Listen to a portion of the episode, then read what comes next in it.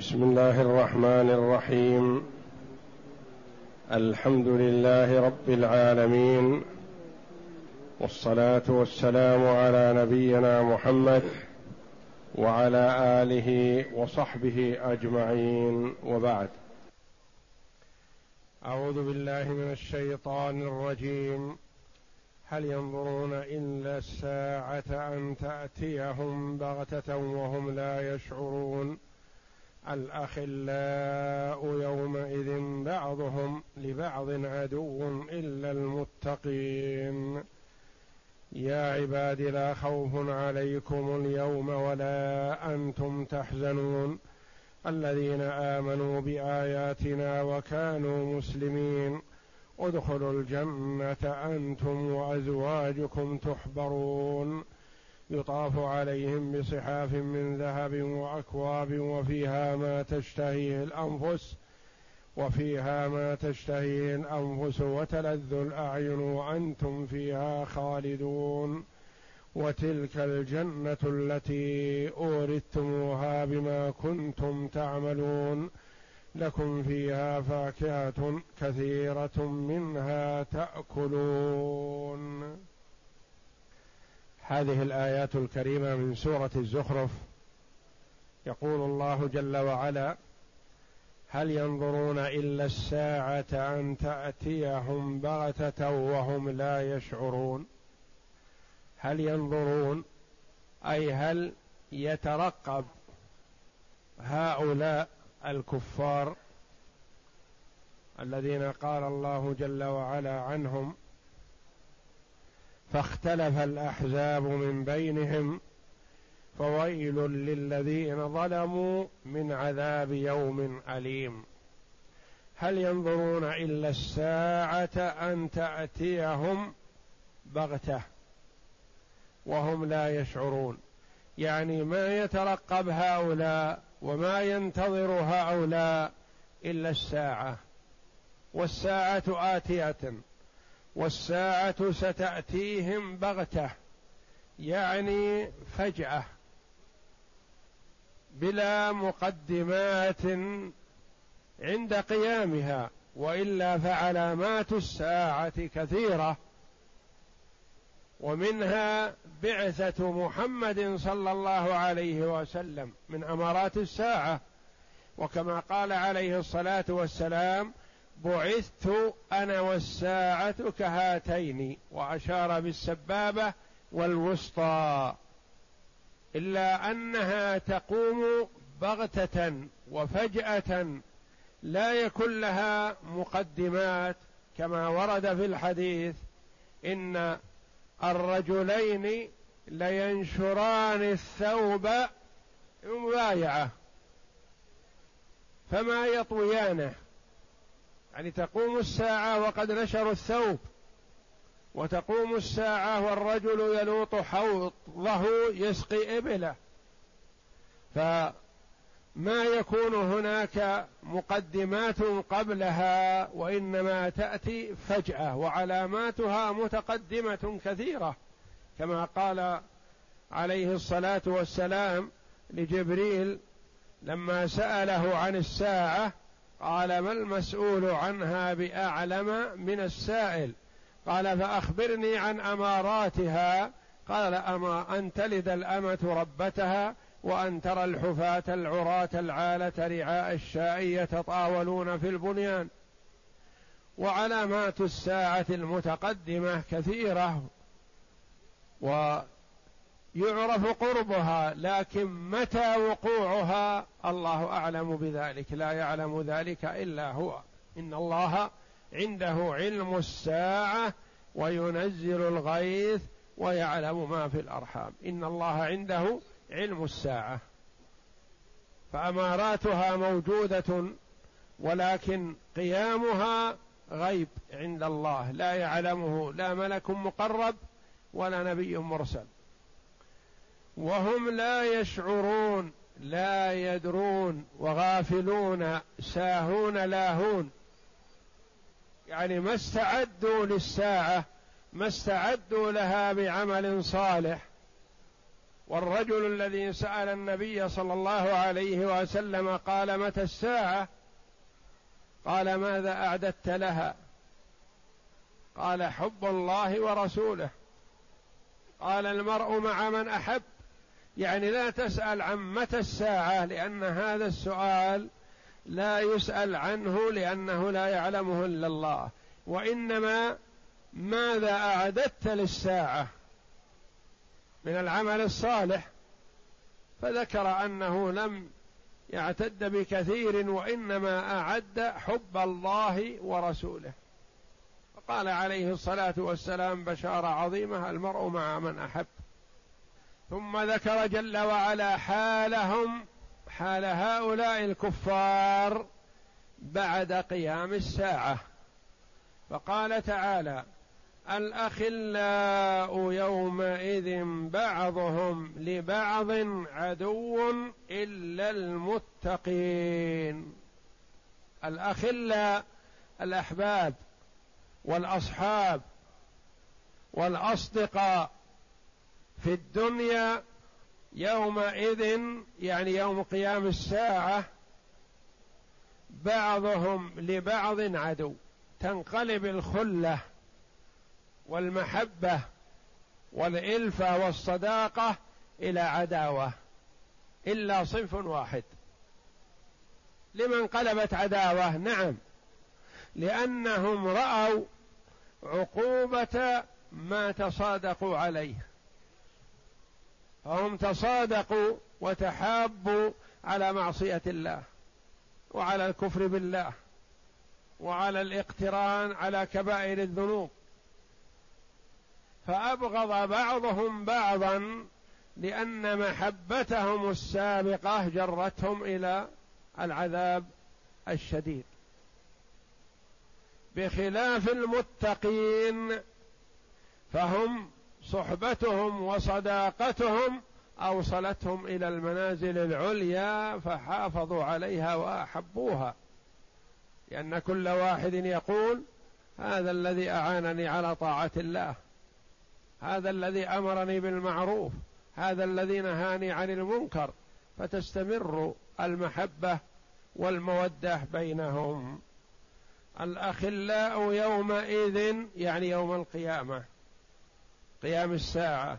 بعضهم لبعض عدو يعني يعادي بعضهم بعضا لأنه قد انقطعت بينهم العلائق.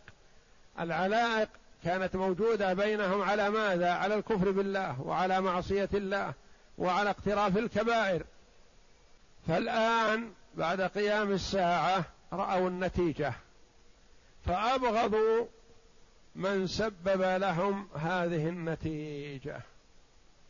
ثم استثنى الله جل وعلا المتقين. إلا المتقين. فإنهم اخلاء في الدنيا والآخرة على سرر متقابلين. يثني بعضهم على بعض ويمدح بعضهم بعضا. والمتقون الذين اتقوا الشرك والكفر. وقيل اتقوا الكبائر كبائر الذنوب. لأن صاحب الكبيرة إن لم يعفو الله جل وعلا عنه فهو يدخل النار. فيبغض صاحبه الذي اقترن معه في كبيرته من زنا أو سرقة أو شرب خمر أو لواط أو نحو ذلك من الأمور المحرمة. إلا المتقين الذين اتقوا الشرك لأن بعض أهل الكبائر قد يعفو الله جل وعلا عنهم من أول وهلة فلا يدخلون النار. وبعض أهل الكبائر قد لا يعفو الله عنهم فيدخلون النار فيطهرهم الله بالنار. ثم تتفاوت إقامتهم بالنار. منهم من يقيم في النار بمقدار أيام الدنيا كلها. فعن علي بن أبي طالب رضي الله عنه قال في الآية خليلان مؤمنان وخليلان كافران. توفي أحد المؤمنين فبشر بالجنة. فذكر خليله فقال اللهم إن خليلي فلانا كان يأمرني بطاعتك وطاعة رسولك ويأمرني بالخير وينهاني عن الشر وينبئني أني ملاقيك اللهم لا تضله بعدي حتى تريه ما أريتني وترضى عنه كما رضيت عني. فيقال له اذهب فلو تعلم ما له عندي لضحكت كثيرا ولبكيت قليلا. ضحكت كثيرا سرورا وبكيت على ما فاتك حيث أنه ربما تكون منزلته أعلى منك على ما فاتك من الأعمال الصالحة. ثم يموت الآخر. فيجمع الله بين أرواحهما فيقال ليثني كل واحد منكما على صاحبه فيقول كل واحد منهما لصاحبه نعم الأخ ونعم الصاحب ونعم الخليل. هذان المؤمنان. وإذا مات أحد الكافرين بشر بالنار فيذكر خليله فيقول اللهم إن خليلي فلانا كان يأمرني بمعصيتك ومعصية رسولك ويأمرني بالشر وينهاني عن الخير وينبئني أني غير ملاقيك. اللهم فلا تهده بعدي حتى تريه مثل ما أريتني وتسخط عليه كما سخطت علي.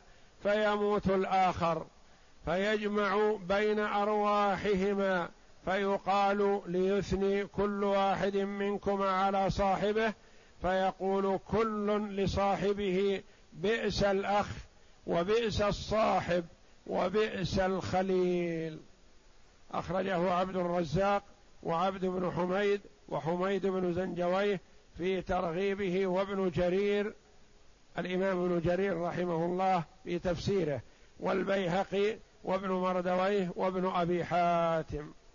ويرى ويقول بعض المفسرين رحمهم الله هذه الآية هذه الآية الكريمة نزلت في أمية ابن خلف وعقبة ابن أبي معيط.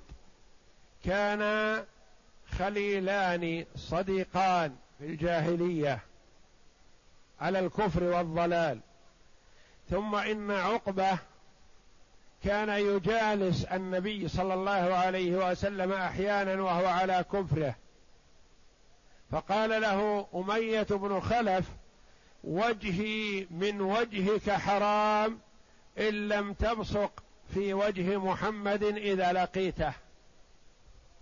ففعل إرضاء لأمية بن خلف فتوعدهما النبي صلى الله عليه وسلم. فقتل أمية بن خلف في معركة بدر في نفس المعركة. وقتل عقبة ابن أبي معيط صبرا بعد المعركة. قتله النبي صلى الله عليه وسلم. فكانا خليلان على الكفر.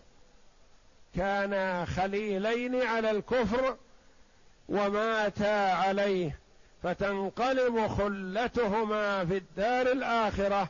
عداوة كل واحد يلعن صاحبه. ثم لما ذكر جل وعلا ما يحصل عند قيام الساعة طمأن عباده المؤمنين بأن لا خوف ولا حزن وإنما هي جنة عرضها السماوات والأرض.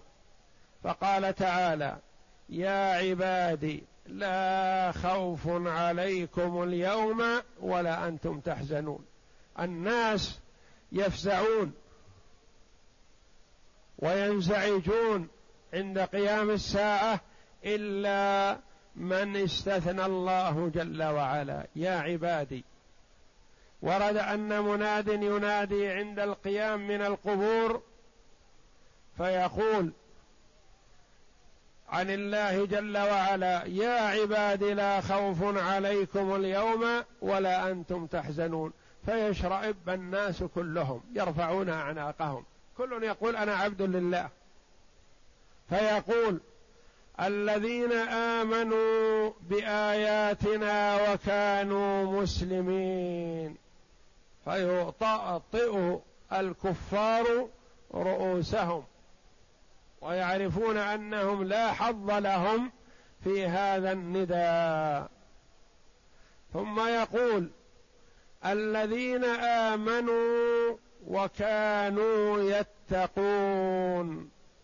الذين آمنوا وكانوا يتقون. فعند ذلك يخاف أهل الكبائر لأنهم ما اتقوا كبائر الذنوب والمعاصي.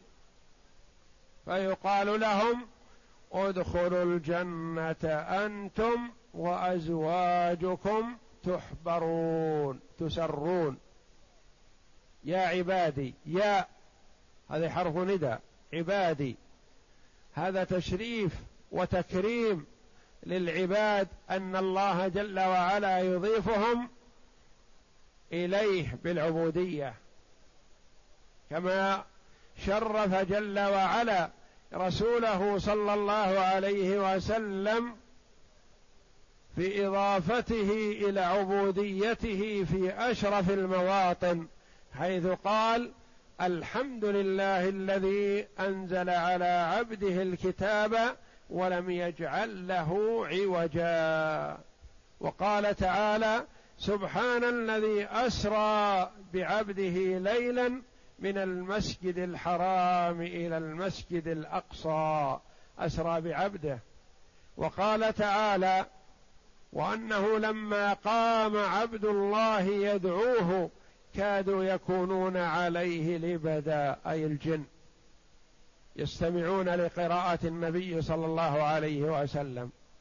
وأنه لما قام عبد الله شرفه الله جل وعلا بأن نسبه لعبوديته. فنداء الله جل وعلا للمؤمنين بإضافتهم إليه بالعبودية تشريف لهم وتكريم. يا عبادي لا خوف عليكم لا تخافوا مما أمامكم. لا تخافوا. الموطن موطن خوف وذعر وشدة.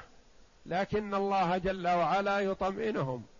يا عبادي لا خوف عليكم. ومن قال الله جل وعلا له لا خوف عليك فهو الآمن. كما قال جل وعلا في الآية الأخرى إن الذين قالوا ربنا الله ثم استقاموا تتنزل عليهم الملائكة ألا تخافوا ولا تحزنوا. وأبشروا بالجنة التي كنتم توعدون. تتنزل عليهم الملائكة. ورد أن التنزل هذا في ثلاثة مواطن. وكلها مواطن حساسة ومواطن شدة. عند الاحتضار يبشر فيسر المؤمن وتبرق أسارير وجهه. وفي القبر يطمئن ويفتح له باب إلى الجنة ويبشر وعند القيام من القبور. يبشر في هذه المواطن الحرجة الشديدة ويطمئن لبشارة الله جل وعلا. يا عبادي لا خوف عليكم اليوم. لا تخافوا. ولا أنتم تحزنون على شيء فاتكم. لا تخف مما أمامك ولا تحزن مما وراءك أنت في أمان.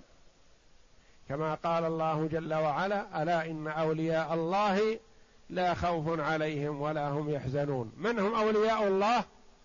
الذين آمنوا وكانوا يتقون. آمنوا بالله واتقوا الكفر وكبائر الذنوب. وصف هؤلاء جل وعلا الذين هم طمأنهم الله جل وعلا بأن أضافهم إلى نفسه العبودية. وأمنهم من الخوف وأمنهم من الحزن. من هم هؤلاء؟ الذين وصفهم الله جل وعلا بقوله الذين آمنوا بآياتنا. آمنوا بالقرآن. وكانوا مسلمين. الاستسلام الإسلام هو الاستسلام لله بالتوحيد والانقياد له بالطاعة والخلوص من الشرك. وجمعوا هؤلاء بين الإيمان والإسلام الذين آمنوا وكانوا مسلمين. فإذا ذكر معا الإيمان والإسلام فالمراد بالإيمان عمل القلب التصديق الجازم. والمراد بالإسلام عمل الجوارح الصلاة والصيام والصدقة والحج وبر الوالدين وصلة الأرحام والأمر بالمعروف والنهي عن المنكر وهكذا. وإذا أفرد أحدهما عن الآخر شمل الظاهر والباطن. فاذا قيل هؤلاء المؤمنون يعني جمعوا بين العمل الظاهر وبين الإيمان بالقلب.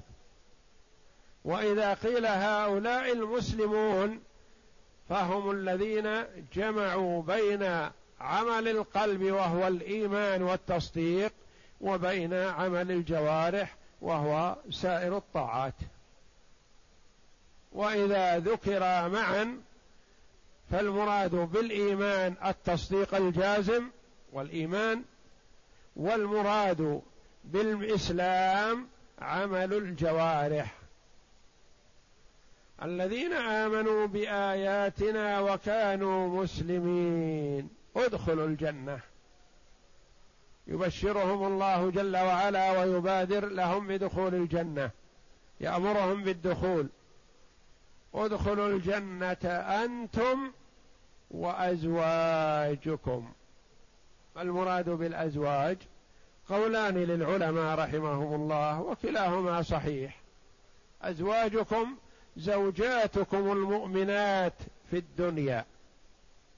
المرء وزوجته. فهما يجتمعان في الجنة ويتذاكران فيما بينهم ما حصل لهم في الدنيا.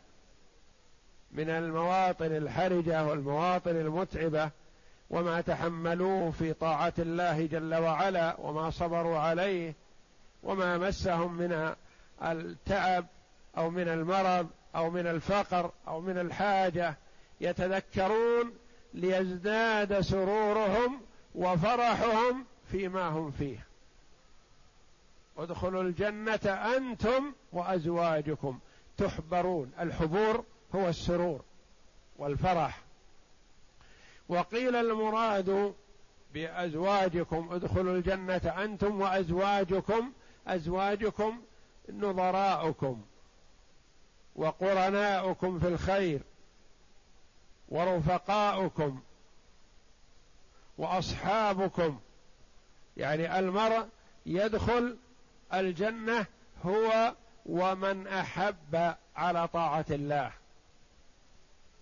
ادخلوا الجنة أنتم وأزواجكم تحبرون يعني تسرون سرور دائم لأنه لا انقطاع لهذا لأن أحوال الدنيا يحصل فيها شيء من السرور لكنه لا يدوم ولا يستمر. إما أن يذهب المرء ويتركه وإما أن يذهب السرور هذا ويبقى المرء حزينا. ادخلوا الجنة أنتم وأزواجكم تحبرون.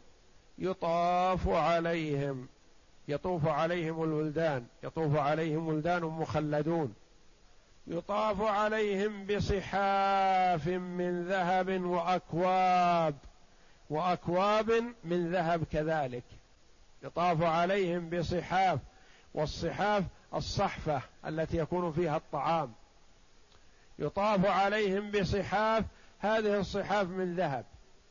وصفها الله جل وعلا وبينها أنها من ذهب. وما ذكر الطعام.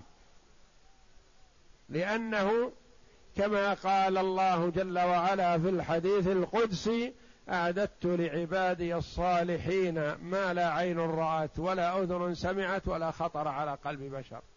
ما يمكن يتصور الإنسان نعيم الجنة وطعام الجنة واللذة بالجنة لا يتصوره ولا يدركه في الدنيا. امتدح الله جل وعلا الأواني فما بالك بما فيها؟ أعظم وأعظم. يطاف عليهم بصحاف من ذهب وأكواب وأكواب من ذهب. ويجوز هذا كثير في القرآن كما في قوله جل وعلا والذاكرين الله كثيرا والذاكرات. والذاكرين الله كثيرا والذاكرات. ولم يقل والذاكرات الله كثيرا لاكتفاء بالأول. وهنا كذلك بصحاف من ذهب وأكواب يعني من ذهب. والصحفه معروفة التي يكون فيها الطعام. والكوب هو الذي يكون فيه الشراب. قالوا هي الكؤوس التي لا عرى لها. ما فيها عرى. يعني هي مهيئة للشرب من أي طرف منها. قالوا إن العروة تمنع الإنسان من الشرب من جهتها. فجعلها الله جل وعلا لا عرى لها ليشرب المرء من أي جهة من جهة الكوب هذا. ثم إن العروة يحتاج إليها لأجل التعليق لأجل أن لا تمسها وساخة ولا شيء من هذا. وهناك في الجنة لا يحتاج لا وسخ ولا شيء. والكوب في الدنيا يحتاج إلى العروة يمسك بها عن الحار أو عن البارد. وهناك على أحسن حال لا يحتاج إلى عروة. بصحاف من ذهب وأكواب يعني من ذهب. ولذا نهى النبي صلى الله عليه وسلم المسلمين عن استعمال أواني الذهب وأواني الفضة. وبين صلى الله عليه وسلم أن من استعملها في الدنيا حرم من استعمالها في الدار الآخرة وإن دخل الجنة. وقد ورد في الصحيحين عن حذيفة رضي الله عنه أنه سمع رسول الله صلى الله عليه وسلم يقول لا تلبسوا الحرير ولا الديباج ولا تشربوا في آنية الذهب والفضة ولا تأكلوا في صحافهما فإنها لهم في الدنيا ولكم في الآخرة. لهم يعني للكفار في الدنيا. ولكم أيها المسلمون في الآخرة. يطاف عليهم بصحاف من ذهب وأكواب. والأحاديث كثيرة في تحريم استعمال الذهب والفضة. وأبيح للرجل استعمال الخاتم من الفضة وأما الخاتم من الذهب فيحرم. وأبيح للرجل أن يستعمل من الذهب ما دعت إليه الضرورة لا على سبيل التجمل والتصنع والتزين وإنما للضرورة رضي الله عنه قطع أنفه فاتخذ أنفا من ورق يعني من فضة فأنتن. فاتخذ أنفا من ذهب فلم ينتن. فالضرورة للرجل أن يستعمل الذهب السن والأنف لا على سبيل التجمل وإنما على سبيل الضرورة والحاجة. وله أن يتخذ حلية السيف وآلة الحرب من الذهب. وليس له أن يتخذ أواني الذهب ولا آلات الذهب ولا أن يتزين بذهب من ساعة أو خاتم أو نحو ذلك ولا يستعمل القلم من الذهب وأبيح للنساء التجمل بالذهب لا الاستعمال المطلق. يعني المرأة لها أن تتجمل بالذهب بالخواتم والقلائد والتاج ونحو ذلك مما تستعمل النساء تجملا بخلاف الاستعمال لغير الجمال فلا يجوز لها أن تستعمل لا يجوز لها أن تستعمل كأس الذهب. ولا مشط الذهب لأن هذا ليس في جمال هذا استعمال. فلا تستعمل من الذهب إلا ما كان جمالا لها لزوجها.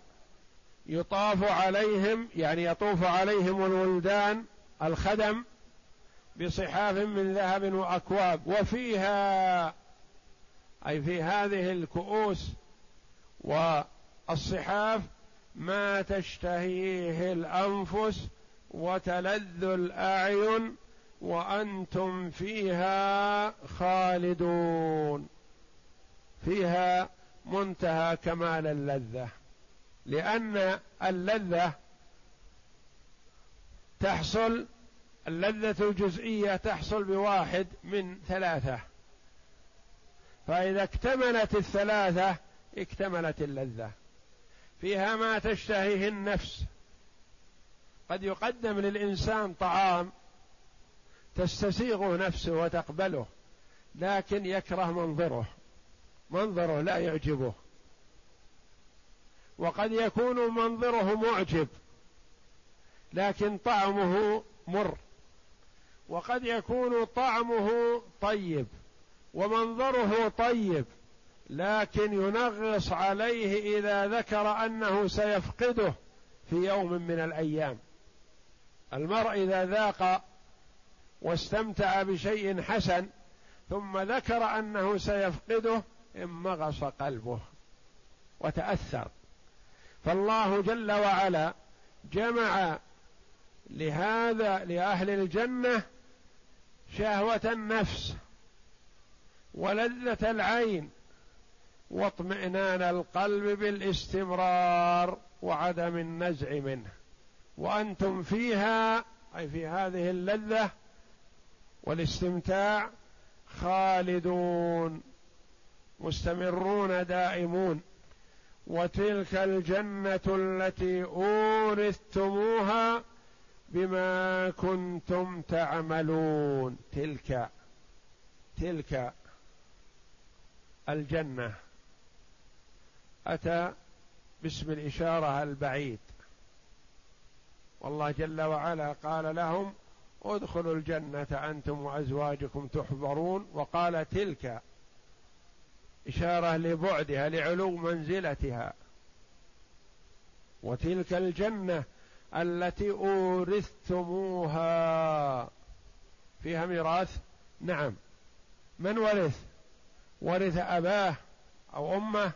لا. ورث الكافر. كما ورد في الحديث لكل مؤمن وكافر منزل في الجنة ومنزل في النار. ليزداد سرور المؤمنين بالجنة. ويزداد بؤس الكافرين في النار وشقاؤهم. لكل مؤمن وكافر منزلان. منزل في الجنة ومنزل في النار. فالمؤمن يأخذ منزله في الجنة ويرث منزل الكافر في الجنة. والكافر يأخذ منزله من النار ويرث منزل المؤمن في النار. فيقال للمؤمن هذا منزلك في الجنة. وهذا منزلك في النار لو كفرت. ولما آمنت يعطى لغيرك. يرثه الكافر. ويقال للكافر لتشتد حسرته. هذا منزلك في الجنة لو آمنت. ولكن الآن لا هو لغيرك. يعطى غيرك. وهذا منزلك في النار لما كفرت. فتزداد حسرته وندامته. وتلك الجنة التي أورثتموها فالمؤمن ورث منزل الكافر في الجنة. ورثتموها بما كنتم تعملون بسبب أعمالكم. والنبي صلى الله عليه وسلم قال لن يدخل, لن يدخل أحد منكم الجنة عمله. قالوا ولا أنت يا رسول الله. قال ولا أنا إلا أن يتغمدني الله برحمته. اذا ما معنى قول بما كنتم تعملون؟ نعم. دخول الجنة برحمة الله جل وعلا. يعني العمل مهما كان لا يؤهل المرء إلى الجنة وإنما الجنة برحمة الله. ثم درجات الجنة وتفاوت الناس فيها بحسب الأعمال لأن الدرجات في الجنة متفاوتة تفاوت عظيم. وأهل الدرجات الدنيا يرون أهل الدرجات العلى كما يرى الكوكب الدري الغابر في الأفق. منزلتهم عالية ما يطولونها. ولما كان لا شقاء ولا تحسر في الجنة شرع الله جل وعلا زيارة الأعلى للأدنى. والأدنى لا يزور الأعلى في الجنة. الأعلى يزور الأدنى من أجل أن يحمد الله على ما هو فيه من النعيم. ويقارن فيرى تفاوت عظيم بين نعيمه ونعيم صاحبه. والأدنى لا يزور الأعلى فيرى ما فضل به فيحتقر ما عنده. والله جل وعلا يتفضل أحيانا على الأدنى فيرفعه إلى منزلة الأعلى من غير أن ينقص الأعلى شيء كما قال الله جل وعلا والذين آمنوا واتبعتهم ذريتهم بإيمان ألحقنا بهم ذريتهم وما ألتناهم من عملهم من شيء ما نقصناهم. من منزلتهم ما نقصناهم من شيء. وتلك الجنة التي أورثتموها بما كنتم تعملون. بسبب أعمالكم أخذتم هذه الدرجات العلى. لكم فيها فواكه فواكه كثيرة منها تأكلون. لما ذكر الصحاف والأكواب طعام وشراب فقط هذا لا بل هناك شيء آخر فواكه. فواكه. يأكل المرء ويشرب ويتفكه ثم يخف ويخرج من جسمه جشاء. كريح المسك لأنه لا تبول ولا تغوط ولا مخاط ولا شيء مستقذر في الجنة. أين يذهب هذا الطعام؟ يذهب جشاء كريح المسك. طيب. يتجشى طيبا ثم يحتاج إلى الأكل. يرى أنه محتاج بلا جوع فلا يجوع. وإنما للتفكه والتنعم بالأكل والشرب والتفكه. لكم فيها فاكهة كثيرة منها تأكلون. ورد أن المرء في الجنة يشتهي الفاكهة العنقود من العنب الشيء من الرمان من كذا من كذا فيأتيه يتدلى بين يديه. ما يحتاج أن يقوم ليبحث عنه في بساتينه وأشجاره يأتي فيأكل ما يريد ثم يرتفع بإذن الله. وورد أن المرأة يطري عليه ويفكر في نوع من أنواع الطعام في الصيد نوع من أنواع اللحم نوع من أنواع الطعام. فإذا به يكون بين يديه على أحسن ما يكون فيأكل من الطير ما أحب ثم يطير في الجو. لكم فيها فاكهة كثيرة منها يعني ما تنتهي. تأكل منها وتعود كما كانت تستمر. وكلما اشتهى العبد شيء في الجنة حصل له. كما ورد أن الصحابة رضي الله عنهم سألوا النبي صلى الله عليه وسلم أن الولد يحصل به الأنس وقرة العين فهل هناك ولد في الجنة؟ فقال النبي صلى الله عليه وسلم نعم. إذا اشتهى المرء الولد يكون حمله وولادته وسنه في لحظة حسب ما يريد.